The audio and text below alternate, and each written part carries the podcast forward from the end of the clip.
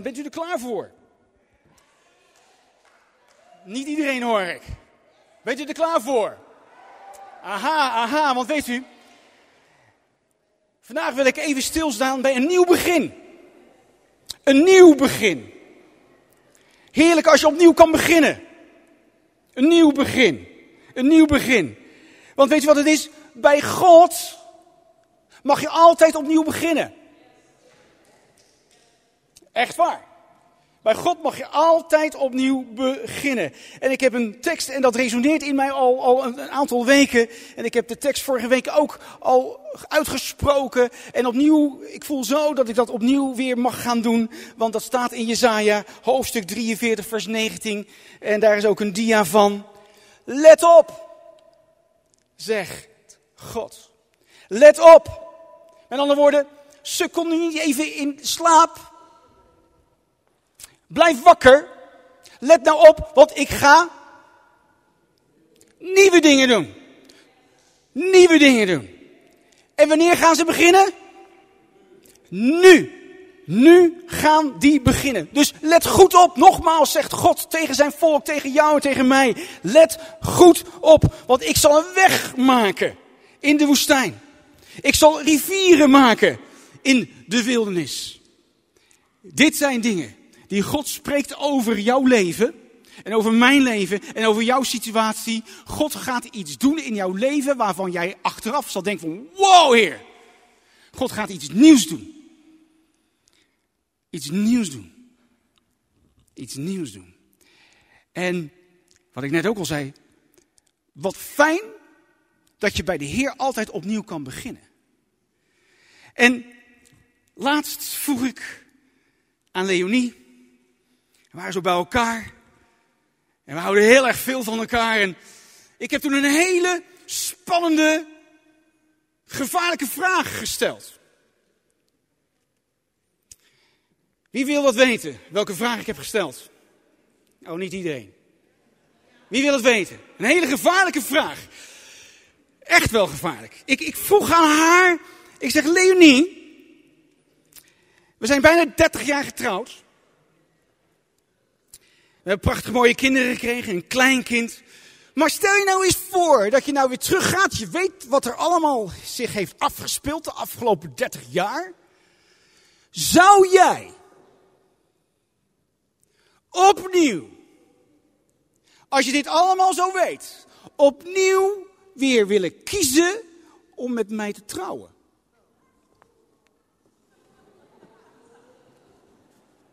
Gevaarlijke vraag, hè? Want diep in mijn hart wist ik al lang wat ze zouden gaan zeggen.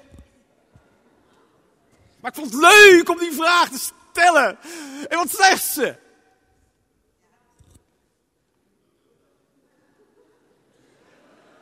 Ja!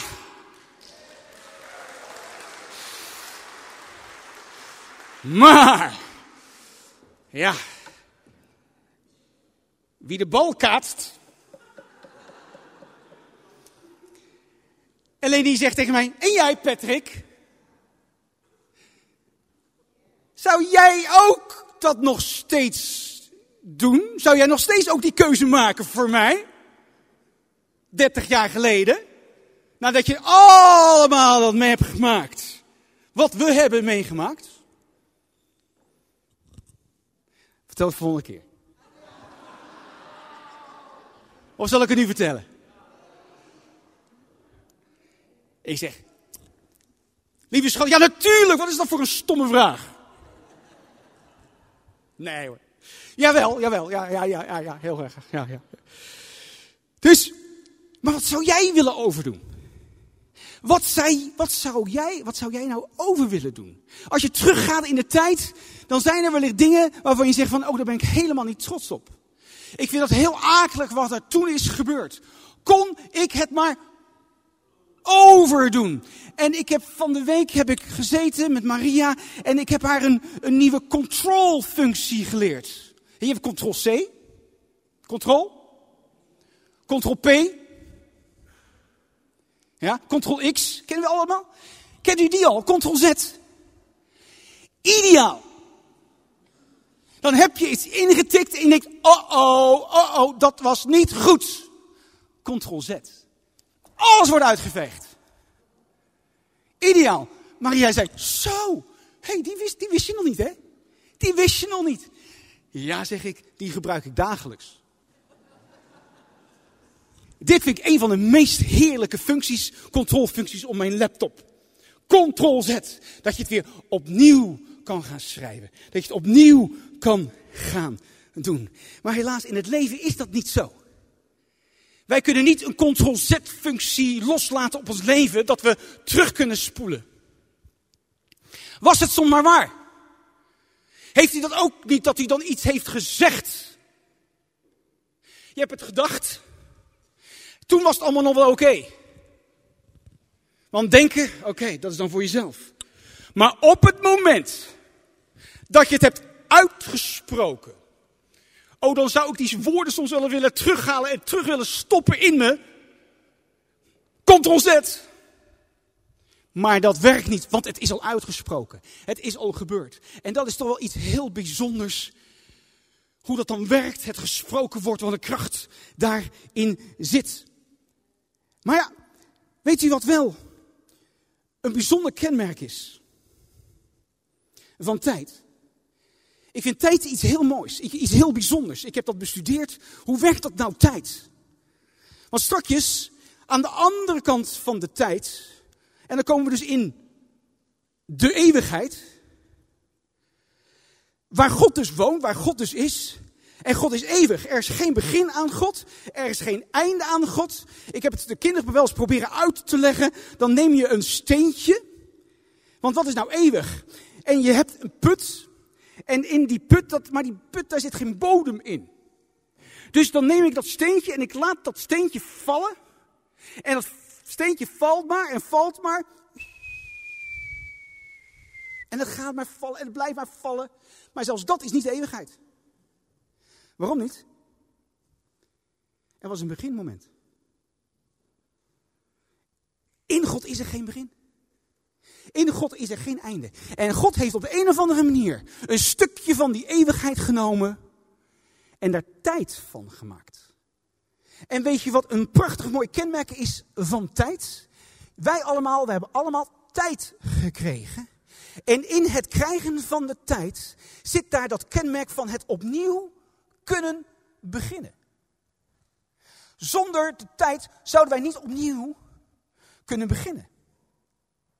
En bij God mag je dus altijd opnieuw beginnen. Daarom ben ik zo blij dat als het straks weer een dag voorbij is, dat je zegt van, oh, dit was een waardeloze dag. Dat je dan de volgende dag weer opnieuw kan beginnen. Alleen, daar is ook een nadeel van tijd. En een nadeel is dat je soms gevangen kan zitten in tijd. Je zit gevangen in je verleden tijd. Je zit daarin gevangen. Er is zoveel gebeurd in je leven. Als je dan terugkijkt naar het leven. En oh, wat zou je dat graag allemaal willen veranderen. Maar dat lukt niet. En je bent ermee bezig. Je bent er elke dag mee bezig. En het houdt je maar bezig. En je zit als het ware gevangen in die tijd, in dat verleden, wat er allemaal is gebeurd. Want als je opnieuw wil beginnen, en we waren net heel erg enthousiast, ja, God gaat nieuwe dingen doen. Maar dat kan alleen als je het oude stopt. Om het nieuwe te kunnen beginnen, moet het oude afgelopen zijn. Als je een nieuwe opleiding wil gaan beginnen, dan zou je de oude opleiding moeten stoppen. Als je een nieuwe relatie wil beginnen,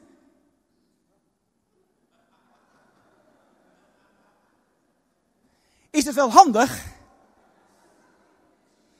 Snap je hem? Dat helpt. Gevangen zitten in de tijd betekent eigenlijk dat je je rug hebt gekeerd naar de toekomst. Want jouw focus gaat naar die verleden tijd.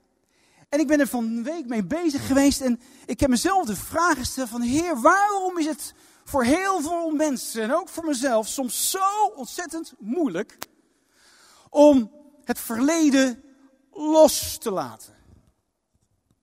Wie van jullie deelt die gevoelens. Van ja, wat vind ik dat moeilijk om het verleden echt, echt los te laten. Want voordat ik in het nieuwe kan komen, moet ik blijkbaar iets afrekenen met dat verleden. Maar oh, wat is dat lastig. En ik heb drie, drie zaken heb ik opgeschreven. Want waarom? Ten eerste is daar zo'n emotionele binding. Een emotionele binding met het verleden. Want op de een of andere manier ontwikkelen wij sterke emotionele banden met gebeurtenissen, met mensen en ervaringen uit dat verleden. Dat kunnen positieve herinneringen zijn, maar dat kunnen ook hele negatieve redenen en, en ervaringen zijn. Positieve herinneringen, ja, dat geeft dan een gevoel van geluk. Een gevoel van nostalgie, van comfort. Maar negatieve ervaringen, dan komt er ineens een pijn naar boven. Er komt ineens een wrok naar boven. Er komt een verdriet naar boven. En dat maakt het heel erg moeilijk om dan af te rekenen en dat verleden los te laten. Waarom? Omdat die herinneringen, die brengen emoties naar boven. En die emoties die zitten vast aan die herinneringen. En op het moment dat aan die emoties, aan die herinneringen nog iets zit van een angel, van negativiteit, van depressiviteit, van, van alles wat dat allemaal teweeg brengt in je binnenste. Betekent dat dat je er eigenlijk nog aan vast zit. En je houdt dat ook angstvallig vast. En oh, wat is dat moeilijk om dat door te snijden. Waarom? Emotioneel doet het zoveel. En is het zo lastig en is het een deel van jezelf geworden. En dat is dan ook de tweede. Aan de andere kant, als je dan aan, die, aan het nieuwe denkt, dan vliegt het je soms ook helemaal aan. Want het geeft een stukje onzekerheid over de toekomst. Want wat alles wat ik heb meegemaakt, dat geeft mij houvast. Dat geeft mij een stukje houvast. Dan weet ik in ieder geval wat ik eraan heb. Maar als ik naar het nieuwe kijk, dan is dat zo groot en zo onberekenbaar en zo onzeker dat ik er dan liever voor kies om maar bij dat oude te houden, ook al is dat negatief. Ook al is dat niet fijn geweest, maar dan weet ik in ieder geval wat ik eraan heb. Ook dat is een reden waarom het heel soms moeilijk is om dat verleden ook los te laten. En ten laatste, en dat is denk ik een van de meest belangrijke, je identiteit en je zelfbeeld zijn gevormd door het verleden. Jouw identiteit, jouw zelfbeeld. Want je hele gevoel van eigenwaarde wordt dus beïnvloed door die ervaringen en de prestaties uit dat verleden. Want als we positieve prestaties hebben behaald, dan geeft dat juist zelfvertrouwen. Maar aan de andere kant, mislukkingen, traumatische gebeurtenissen, die kunnen dan je eigen waarde ondermijnen. Want op het moment dat ik het moet loslaten, moet ik ook een stukje van mezelf loslaten. En wat blijft er dan nog van mezelf over? Wie ben ik dan? Wie ben ik dan eigenlijk? Het heeft jaren gekost voor mezelf om uiteindelijk te ontdekken, maar wie is Patrick nou? Wie is nou echt Patrick zoals God dat heeft bedoeld vanuit die initiële gedachte die geboren is bij God toen hij dacht van ik ga Patrick scheppen, ik ga hem maken in de baarmoeder van zijn moeder, heeft God een oorspronkelijke gedachte gehad. Een intentie gehad van hoe hij wilde dat ik zijn zou, hoe hij mij heeft bedacht. Hoe hij mij heeft gevormd. Maar door mijn opvoeding en door alles wat er is gebeurd, heb ik van alles opgelopen, waardoor mijn zelfbeeld en mijn eigenwaarde af en toe deuken had opgelopen. En ik kon niet echt nog ontdekken, wie ben ik nou echt? En mensen gaan je soms ook heel graag vertellen hoe zij vinden dat jij zou moeten zijn. En dan ben je op zoek. En eerlijk, heel eerlijk, ik was pas in mijn dertig, ergens in de dertig, dat ik erachter kwam. Oké Patrick, dus zo zit je in elkaar. En toen moest ik mezelf ook nog eens aardig gaan vinden. Blij met mezelf moeten zijn. Blij zoals God het heeft bedoeld. Want, oh wat zijn wij goed in het vergelijken. Was ik maar als die persoon. Was ik maar als die andere persoon. En dat doet het hart van God verdriet. Want waarom? Jij bent een original. Je bent original. Vergelijk jezelf nooit met een ander. Want jij bent een original. En op het moment Dat je ervaart van ja, Heer, dat geeft zo'n bevrijding. Nemen, oké, Heer, dus zo zit ik in elkaar. Dit is wie ik ben. En dat kan soms jaren, jaren duren. Maar dat kan niet zonder af te rekenen met zaken uit je verleden. Want zaken uit je verleden je blijven achtervolgen, waar nog een stuk verdriet in zit, waar nog een stuk pijn in zit, waar de angel als het ware nog in zit. Dat vormt je en dat doet je op slot zetten, waardoor je als het ware een gevangene bent van jezelf, van je eigen verleden. En daarvan zegt God juist, ik wil iets nieuws doen. Ik ben nieuwe dingen met jou van plan. En dan gaat je vrijgezet worden en zul je ontvangen zoals ik naar jou kijk. En ik heb geweldige dingen voor jou. En weet u wat het nou ook is? Tijd, hè?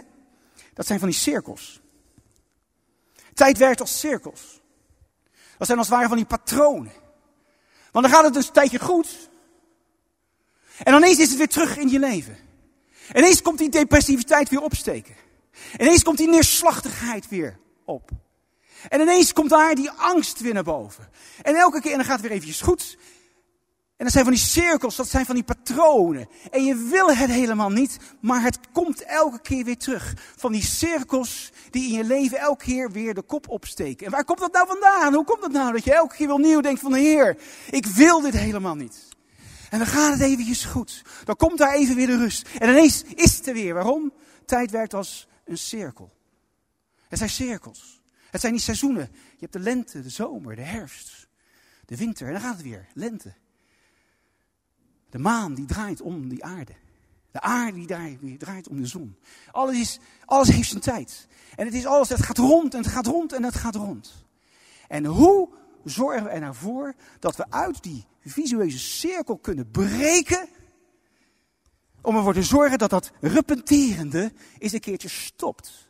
Want oh, wat word je daar moe van. Dat elke keer weer opnieuw het opnieuw gebeurt. En je wil het niet, maar het gebeurt elke keer wel. Herkenbaar? Of is het alleen voor mezelf herkenbaar? Dat dingen dus terugkomen. En je ziet het weer terugkomen. En hoe ouder je bent, hoe meer je dit soort patronen terug dan ziet komen als je er niet mee hebt afgerekend. Je ziet dingen vanuit het verleden, wat bij je ouders waren, bij je grootouders, je ziet het weer opnieuw gebeuren. Soms slaat het een generatie over, maar dan ben jij aan de beurt. Of je kinderen is aan de beurt, of je kleinkinderen zijn aan de beurt. En je ziet dat elke keer weer opnieuw terugkomen. En vandaag zegt God tegen jou, ik ga iets nieuws doen. Ik ga iets nieuws doen. Wat ik net zei, als het ware, als je niet afgerekend hebt met je verleden, dan sta je met de rug naar de toekomst. Dus ook voor dat nieuwe, wat God voor heeft, sta je dan eigenlijk er niet voor open, want dat lukt niet, want je staat met je rug naar de toekomst. En op het moment dat je je focust op je verleden, daar waar je op focust, dat groeit. Dat neemt toe. Alles wat je aandacht geeft, dat groeit in jouw leven. Alles waar jij je op focust in jouw leven, dat groeit. Denk maar na. Waar gaat jouw focus nu naartoe? Waar ben jij mee bezig? En op het moment dat je daar voortdurend mee bezig bent, daar gaat dan ook aandacht naartoe. En dat komt en dat groeit in jouw leven. Met andere woorden, als je heel veel bezig bent met een onverwerkt stuk verleden, dan gaat daar ook je focus naartoe. En kun je niet openstaan voor het nieuwe wat God voor jou heeft. En als je zo met je rug naar de toekomst, stel dat je daar de toekomst is. En je staat met je rug daar naartoe. En hier hou je je angstvallig vast aan datgene wat allemaal is gebeurd. Dan neem je als het ware je toekomst mee en je schuifelt de toekomst binnen. Maar je rug hou je gekeerd tegen dat nieuwe wat God wil doen. Want je houdt je vol vast aan alles. Want je wil eigenlijk ook helemaal geen afstand van nemen. Of je weet niet precies hoe. Maar je schuifelt met je rug naar die toekomst. En dat is precies waar we God zeggen: Oké, daar wil ik dus verandering. En hoe doe je dat nou? Hoe doe je dat nou? Ik heb een Bijbeltekst. waar heel veel in staat. En dat kunnen we vinden in Hebreeën 1. Ik heb daar een plaatje van.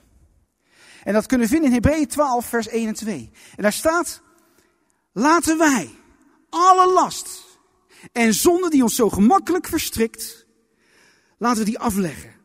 En laten wij met volharding de wedloop lopen die voor ons ligt. Terwijl wij het oog gericht houden op Jezus, de lijstman en voleinder van het geloof. Dus wat moet ik doen? Het heeft te maken met een juk dat op je rust. Een soort juk die op je rust. Van een stukje duisternis, van emotie, van depressiviteit, van neerslachtigheid, van frustratie, van bitterheid, van onvergevensgezindheid. Allerlei jukken die op je liggen. Andere mensen die kunnen dat op je hebben gelegd. Jij zelf kan het op je hebben, hebben gelegd. Het is in ieder geval niet een juk van Jezus. Want Jezus zegt iets anders over zijn, over zijn jukken. Want zijn juk is zacht. En zijn last is.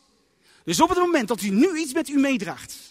Waarvan je zegt, ja meneer, past helemaal niet bij. Ik word hier helemaal niet, helemaal niet lekker van. Dat betekent dat er een juk op je ligt. Waarvan God zegt, schud dat van je af. Schud. En dat is het volgende plaatje. Schud het ongoddelijke juk van je af. Schud het van je af. Maar op het moment dat je zegt van, ach, ik vind het allemaal wel goed zo. Ik heb al zoveel meegemaakt. Ik heb al zoveel doorgemaakt. Het, het hoeft eigenlijk allemaal niet meer zo voor mij. Laat me maar. Ik heb er vrede in gevonden. Het is wel goed zo. Ik overleef het allemaal wel. Ga jullie maar je gangetje, maar laat mij maar. Laat, laat me maar. Het is wel goed zo. Als dit de houding is, zul je inderdaad blijven voortsukkelen met je rug naar de toekomst. Maar op het moment dat je van binnen zo baalt. En er staat iets in je op en je zegt nee, nee, ik heb hier genoeg van. Ik wil dit niet meer. Dit juk hoort niet bij mij. Ik wil niet dat een ander een juk op me legt. Ik wil niet een juk uit mijn verleden. Ik wil dit niet meer. Ik wil geen juk meer. Ik wil vrij zijn. Oh, hoort u? Dat is een houding. Dat is een houding van een hart. Op het moment dat je passief bent, nonchalant en onverschillig, gaat het niet gebeuren. En zul je geen doorbraak ervaren in jouw leven. Waarom? Ja, je hebt toch vrede ermee? Dan moet je ook niet, ja, misschien ben ik nog wat cru, moet je ook niet zeuren. Maar op het moment dat je voor jezelf zegt, hé, hey, maar dit wil ik niet. Daar komt een mentaliteit naar boven drijven waar je zegt van nee, ik ben geen slaaf meer van de zonde. Ik ben geen slaaf meer van depressiviteit. Ik ben geen slaaf meer van die bitterheid in mij. Ik ben geen slaaf meer van die neerslachtigheid. Het is klaar. Het is afgelopen. Ik ga hiermee breken. Ik ga hiermee afrekenen. Wow, dan is daar ineens een hele andere hartsgesteldheid. En wat doe je dan? Op het moment dat je dus naar achteren loopt en je houdt het angstvallig dicht, wat zie je dan als je je ogen opricht? Wat zie je daar? Het kruis. Heel goed. Zet het kruis in je leven. Zet het kruis in dat verleden. Zet het kruis in het pijn. Let op Jezus. Laat je ogen rusten op Jezus, want Hij is degene die jou wil vrijmaken. Hij is de weg, de waarheid en het leven. Hij is gekomen om mensen vrij te zetten van alle boze, van alle machten van de hel. Want de machten van de hel, die kunnen je plagen en die kunnen je leven beïnvloeden. Maar op het moment dat je gaat staan en zeggen, nee, ik ga mijn ogen niet meer richten op mijn verleden. Ik ga mijn, mijn ogen niet meer richten op de pijn. Ik ga mij richten op Jezus en Hij gaat mij helpen om door die pijn heen te gaan. Oh, dan word ik vrij. En wat er dan gebeurt? Ja. Ik draai dan mijn rug naar de toekomst. En als je je draait, omkeren, wat betekent dat? Is een be bekering. Dan gaan we ons omkeren. Zeggen, Heer, ik ga de andere kant. Ik ga nu die wedloop beginnen. Misschien heeft je naar atletiek gekeken. Verschillende van jullie. Wat kunnen ze hard hollen? In 10 seconden. Onvoorstelbaar. In 10 seconden 100 meter. Ik zou het niet nadoen. Misschien 25 seconden. Maar in die 10 seconden, wat een training, wat een discipline, wat een hartsgesteldheid. Ze hebben hun hart erop gezet om die wedloop te lopen en ook te winnen. En dan baal je als je niet die hoofdprijs wint. Maar weet u, in hem ontvangen wij allemaal goud. Wij allemaal ontvangen goud. Als we die wedloop gaan rennen, zeggen Heer, dank u wel dat ik mijn ogen mag richten op u, op de voleinder van mijn geloof. Halleluja. Richt je oog op Jezus. Tijd geneest niet alle wonden. Dat is wel eens gezegd, tijd geneest alle wonden. Heeft u dat al eens gehoord? Nee, tijd geneest niet alle wonden. Dat is een leugen, is larikoek. Weet je wat het wel is? Jezus geneest alle wonden.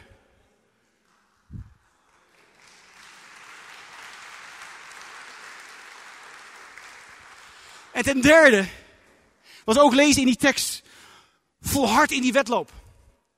We geven het te snel op. Als het maar een klein beetje tegen zit, als het maar eventjes een klein beetje moeilijk gaat, we geven zo snel op. Geef niet te snel op.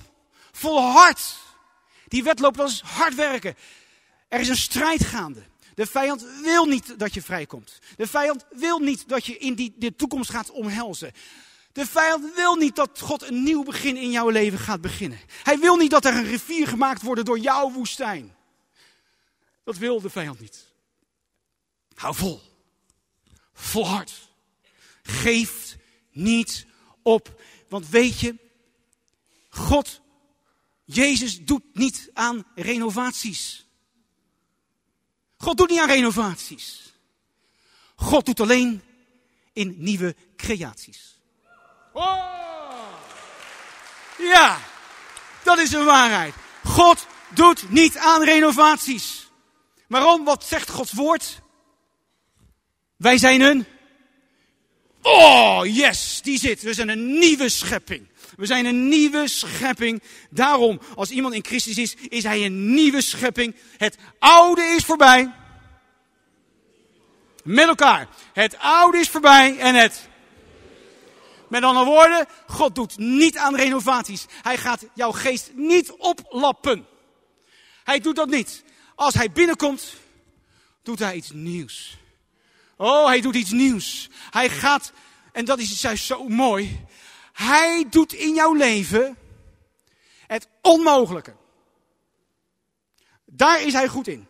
Sarah, oud en bejaard, gerimpeld. Alles was dood van binnen. Kon niet. Kan helemaal niet dat je dan op die leeftijd nog een gezond babytje ter wereld brengt.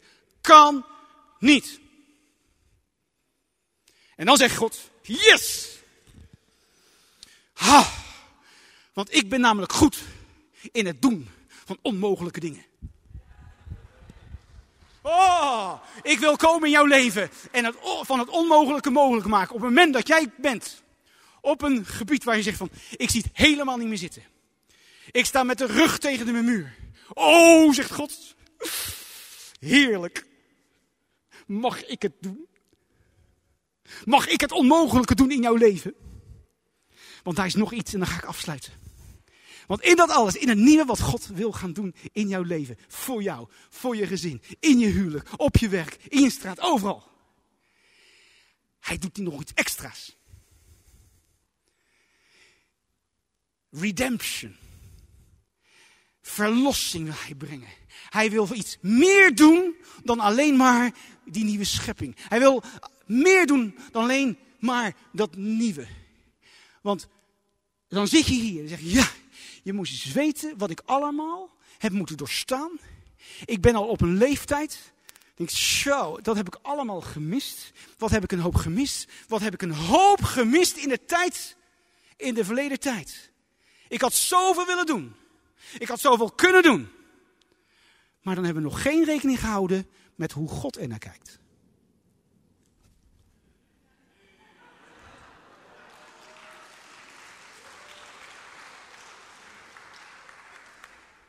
God is bezig. God is bezig. Hij komt met zijn donder, hij komt met zijn bliksem jouw leven binnen en zegt, mag ik dat onmogelijke doen in jouw leven? Wow, oh yes, amen, amen. Want hij zegt, ik ga zodanig iets doen in jouw leven. Dat wat twintig jaar helemaal fout is gegaan. In één jaar ga ik alles vernieuwen. Alles herstellen wat maar mogelijk is. En ik heb daar een Bijbeltekst voor. Joel. Joel 2, vers 25. Ik zal jullie vergoeden. Ik ga dat helemaal vergoeden. Ik ga het helemaal herstellen. Waar je misschien twintig jaar voor hebt geschappeld. Gaat God in een jaar. En voor sommigen in negen maanden. Weeg soms voor in één maand. Ik ga voor al die jaren dat de sprinkhanen alles hebben opgegeten. De knagers, de verslinders, die kaalvreters. Ik zal alles vergoeden. Dat is iets wat hij voor jou heeft. In Jezus' naam. Het is een nieuw begin. En uh, Timothy mag komen. We gaan dopen. Bij God mag je altijd opnieuw beginnen. Oh yes. Let op. Ik ga nieuwe, nieuwe dingen doen. Nu gaan die beginnen. Let goed op, ik zal een weg maken in jouw woestijn. Ik zal rivieren maken in jouw wildernis. Wees niet bang, zegt hij tegen je. Wees niet bang, want ik ben bij je. Vrees niet, want ik ben je God. Ik zal je sterken. Ik zal je helpen. Ik zal jou steunen. Met mijn onoverwinnelijke rechterhand. Al gaat jouw weg door een donker dal. Ik, jij vreest, hoeft geen vrees te ervaren. Want ik ben bij je. Mijn stok, mijn staf, zij geven jou moed. Psalm 23. Wees over niets bezorgd, zegt het woord. Wees over niets bezorgd, maar vraag mij wat je nodig hebt. En dank mij in al, mijn gebeden, in al je gebeden. Dan zal de vrede van God, die alle verstand te boven gaat, jouw hart en jouw gedachten in Christus Jezus bewaren. God is voor jou een toevlucht. Hij is voor jou een kracht. Hij is altijd in de buurt in tijden van nood. Alles, maar dan ook alles, zal bijdragen ten goede. Hoort u wat ik zeg? Alles. Alles. Alles wat er in jouw leven is. Alles wat er in jouw leven was. God zal bijdragen alles ten goede. Alles. Alles. Alles zal bijdragen ten goede. Kom naar mij. Als je vermoeid bent en onder lasten gebukt gaat, dan zal ik je rust geven. Neem mijn juk op je. Leer van mij, want ik ben zachtmoedig en nederig van hart. En dan zul je werkelijk rust vinden. Want mijn juk is zacht. En mijn licht is, en mijn last is licht. Oh, Heer, dank u wel. Zullen we een klap overgeven? Halleluja, Vader. Dank u wel, Jezus.